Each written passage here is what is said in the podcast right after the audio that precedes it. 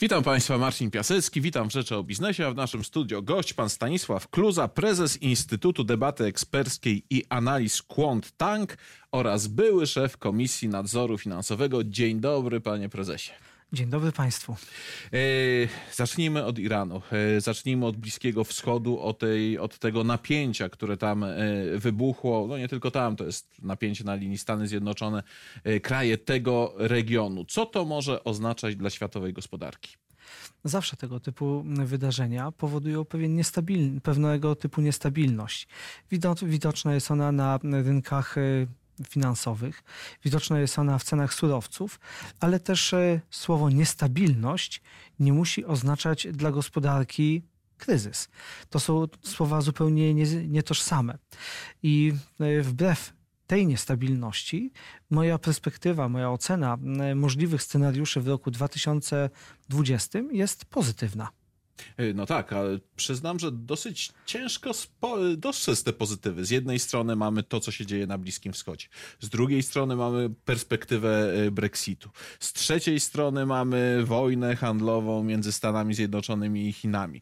Z czwartej strony mamy wybory prezydenckie w Stanach Zjednoczonych, no, która tutaj kampania wyborcza wy też wygląda na to, że będzie bardzo ostra. To może zacznijmy od tej czwartej strony. A mianowicie, jeżeli w Stanach Zjednoczonych obecny prezydent szykuje się do reelekcji, będzie prowadził w tym kierunku swoją kampanię, to na pewno będzie się starał, żeby w gospodarce działo się dobrze. Będzie w szczególności na tym etapie stosował narzędzia, które będą łagodziły politykę pieniężną, które będą prokoniunkturalne. Jeżeli przyjmiemy, że Stany Zjednoczone mają największy wpływ na gospodarkę światową, to ten efekt również e, dotrze w inne zakątki globu. E, z tego punktu widzenia e, raczej nie należałoby się spodziewać, że rok 2020 będzie rokiem kryzysowym bądź jakimś rokiem, w którym może dojść do dużych przewartościowań. Uważam, że więcej niepewności będzie w kolejnych latach niż w roku 2020. A na przykład Brexit. Mm, Brexit e, ma znaczenie dla gospodarki, natomiast e, też nie przesadzałbym z makroekonomicznymi konsekwencjami. E, dużo się mówi o handlu, ale zwróćmy uwagę, że więcej może tych negatywnych konsekwencji być dla producentów e, wysokotechnologicznych, wysokomarżowych produktów niż dla, samych, e, niż dla samej Wielkiej Brytanii. A wówczas większy znak zapytania byłby o gospodarkę niemiecką niż na przykład brytyjską. E, panie przewodniczący, czyli mamy. To będzie po prostu dobry rok, Pana zdaniem. Wbrew obawom niektórych analityków, licznych polityków, którzy boją się o ten rok, uważam, że on zarówno na świecie gospodarczo będzie raczej korzystny, jak również uważam, że w Polsce, mimo że tempo wzrostu gospodarczego będzie ciut niższe, to nadal to będzie około 3% wzrost gospodarczy. To jest naprawdę dobry, dobry prognostyk. Co będzie paliwem tego wzrostu w Polsce? Teraz przejdźmy do spraw y, y, krajowych, Pana zdaniem. Myślę, że nadal e, istotnym elementem będzie jeszcze konsumpcja. E, nadal e, uważam, że Polska będzie miała stosunkowo dobre rezultaty, jeżeli chodzi o możliwości w handlu zagranicznym. Trochę moje obawy budzą inwestycje.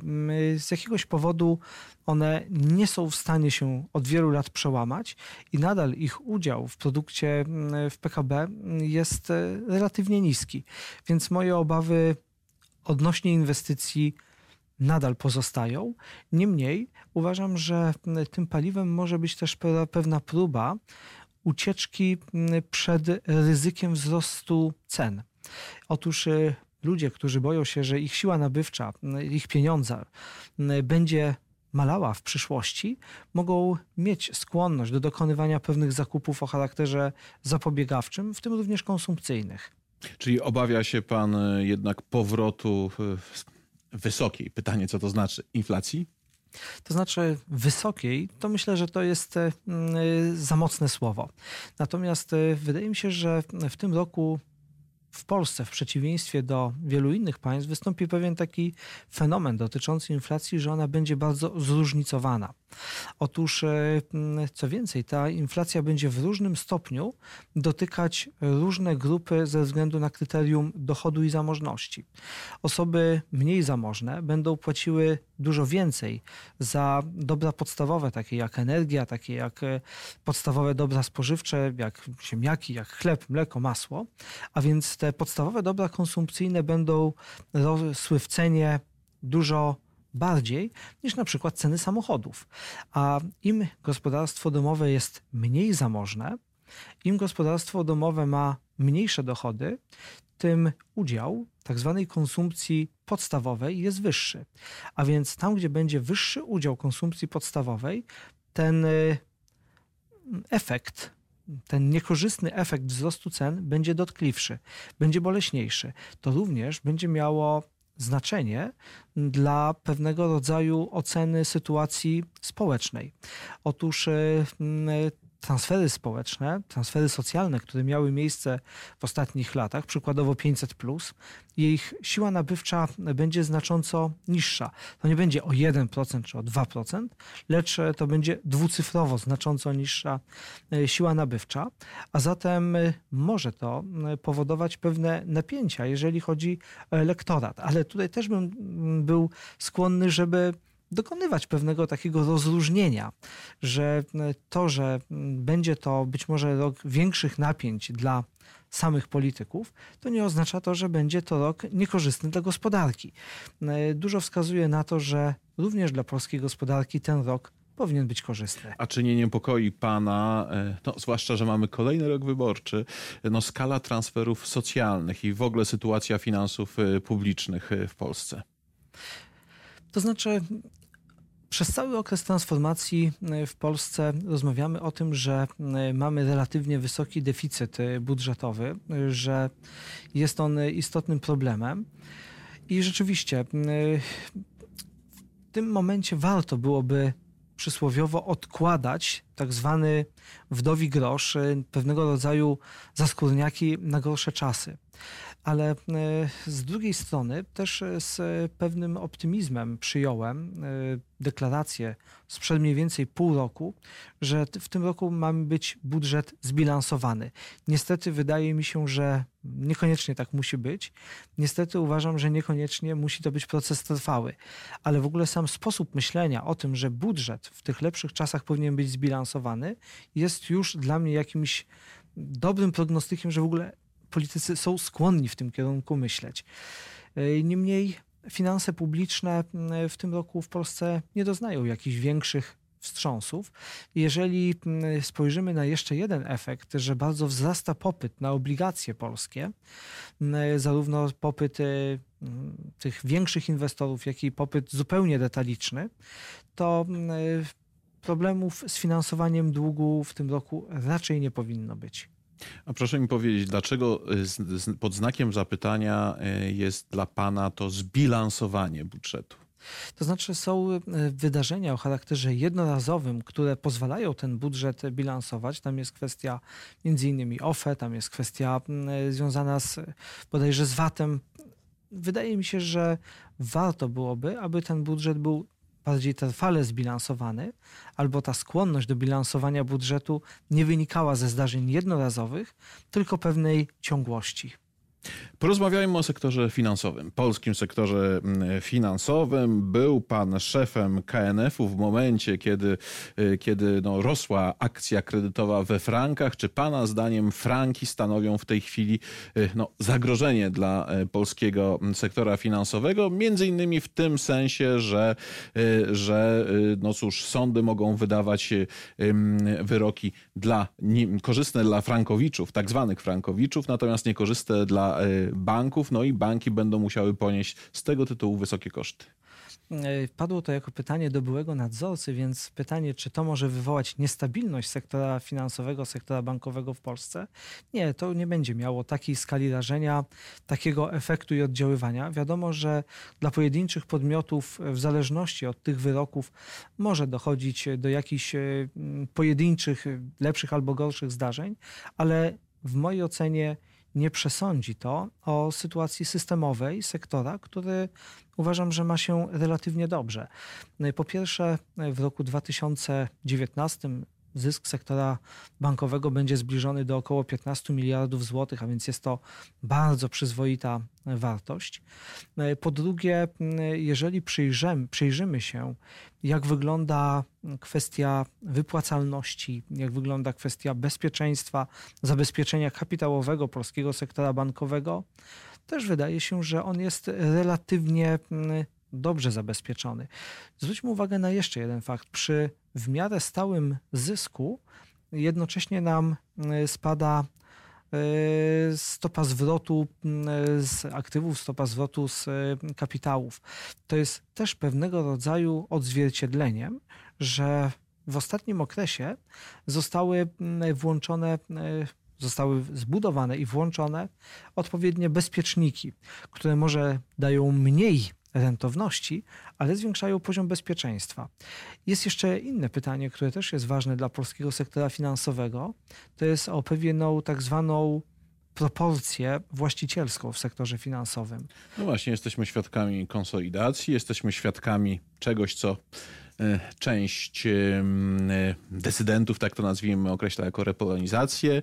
Jesteśmy też e, świadkami no, bardzo ciekawej sytuacji dotyczącej M-Banku. Rzeczywiście, tych zdarzeń jest wiele i mm, wszystkie wymienione będą miały swoje przełożenie na sytuację właścicielską e, w przyszłości. I tutaj wrócę do pewnej myśli, że zarówno nadmiar, jak i niedomiar państwa w systemie finansowym ma swoje negatywne konsekwencje. O ile mm, w okresie transformacji, mm, w tych pierwszych latach transformacji była bardzo duża skłonność do daleko idącej prywatyzacji, przypomnijmy też e, powody, dla których to było. Otóż e, sektor bankowy w Polsce był niedokapitalizowany, jak również nie posiadał zbyt wysokiego takiego poziomu rozwoju instytucjonalno-technologicznego, nazywanego know-how. O tyle obecnie on zdecydowanie tutaj odniósł już pewien sukces, czyli wyrównał swoje przygotowanie do podobnych instytucji na świecie, ale z drugiej strony udział tych banków e, zagranicznych, e, udział podmiotów niepaństwowych był bardzo, bardzo wysoki. Pytanie jest o właściwą proporcję. No właśnie, jak jest teraz? Jak ocenia Pan na przykład dzisiejszą sytuację pod względem tych proporcji? To znaczy ona się bardzo zmieniła i dla mnie, jeżeli państwo ma zbyt duży udział, jest to również e, pewien e, znak do niepokoju. Dlatego, ponieważ państwo nie jest tak bardzo efektywnym właścicielem. Państwo może mieć również skłonność do rozwiązywania pewnych problemów, przykładowo przedsiębiorstw państwowych, a nie rynkowego y, podejścia do całości gospodarki, a więc y, w długim okresie może to przynosić też negatywne efekty. Pamiętajmy też, że sektor finansowy, sektor bankowy jest bardzo korzystny, żeby był zróżnicowany ze względu na różne formy. Uważam, że dzisiaj zbyt mało doglądamy, zbyt mało troszczymy się o odpowiedni udział spółdzielczych instytucji depozytowo-kredytowych, przykładowo banków spółdzielczych, które w, swoim, w swojej historii też miały bardzo ważne dla Polski karty. Więc tutaj chodzi o tak zwane dobre proporcje. Jest jeszcze jedna rzecz, a mianowicie przed kryzysem finansowym sprzed 10 lat Y, istniała taka utopijna teza, że sektor bankowy może się samo regulować. Tamten kryzys obnażył tą, y, y, tą, tą utopię samoregulacji. Więc państwo stało się w dużo większym stopniu regulatorem sektora finansowego niż kiedyś.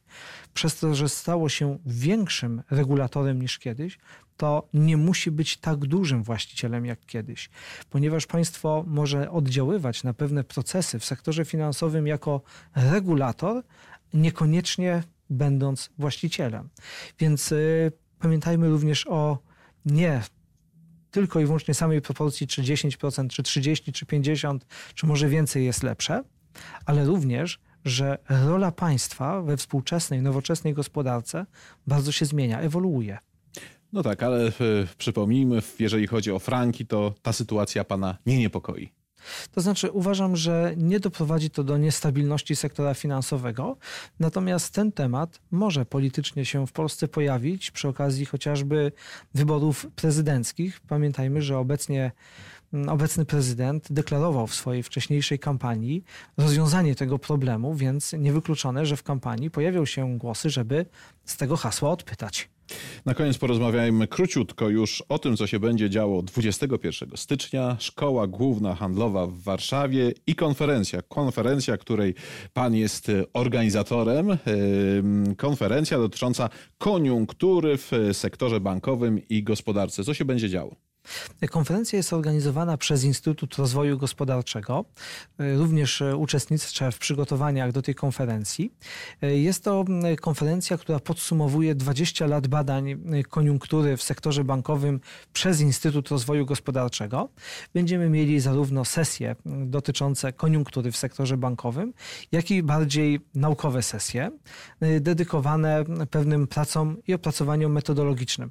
Chciałbym serdecznie zaprosić na tę konferencję wstęp na nią będzie otwarty. Odbędzie się ona w Szkole Głównej Handlowej i myślę, że zarówno dla osób zainteresowanych mm, wymiarem makrogospodarczym sektora finansowego będzie tam coś ciekawego do znalezienia, jak również w zakresie badań naukowych dotyczących już bardziej metodologicznych obszarów e, funkcjonowania tych podmiotów. Y, przypomnijmy, 21 stycznia Szkoła Główna Handlowa w Warszawie. Bardzo dziękuję za rozmowę. Moim gościem był pan Stanisław Kluza, obecnie prezes Instytutu Debaty Eksperckiej i Analiz Quant Tank.